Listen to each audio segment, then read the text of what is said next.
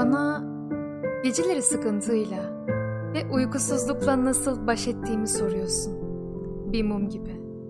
Öyle ki sabah olduğunda söndürüyor. İhtiyaç duyduğumda yeniden yakıyorum. Tersine dün gece iyi uyudum. Ama ben uykuyu uykusuzluk için seviyorum.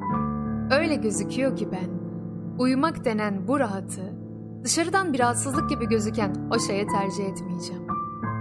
Bu karanlık gecede hayaletlerle ve umutsuzlukla uzayıp giden zamanda şeytan bile telkinini esirgiyor şairden. Pek çok kez telkin etti. Kabul ediyorum. Yıllarca bunu arzuladım ve çok kötü şeyler yaptım. Gerçeklikle bağım koptu. Uçtum. Ayağım yerden kesildi. Bir kartal gibi dağa kaçtım.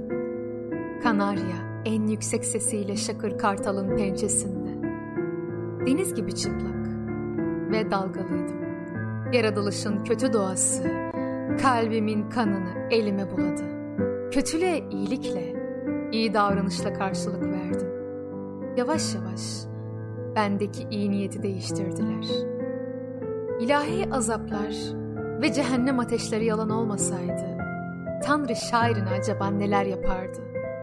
Şimdi ben sırlarla dolu bir bohça gibiyim. Başım şiddetle dönüyor. Düşebilirim. Bana göz kulak ol. Doğru.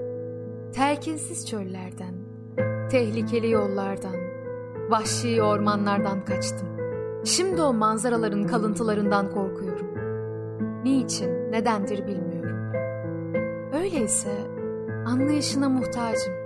Yaramın büyüklüğüne uygun bir ilaç hazırla ki yavaş yavaş önceki halime döneyim.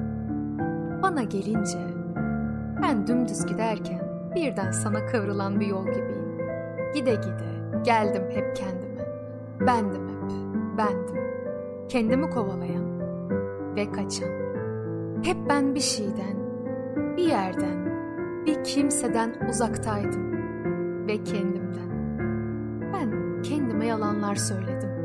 Sonra ben o kendimden onları dinledim. Dinledim, dinledim, dinledim. Söylemiştim. Bir yaban çiçeğinin iyileşmesi için düşünce ve sükunet gereklidir. İnsan sadece dertlerini saymayı sever. Mutluluklarını asla hesaba katmaz. Acılar geçicidir. Ama her sevinç en derin sonsuzluğa uzanır. Kim tanıyorsa beni öyleydim işte. Sağ tarafımda deniz, solumda rüzgar.''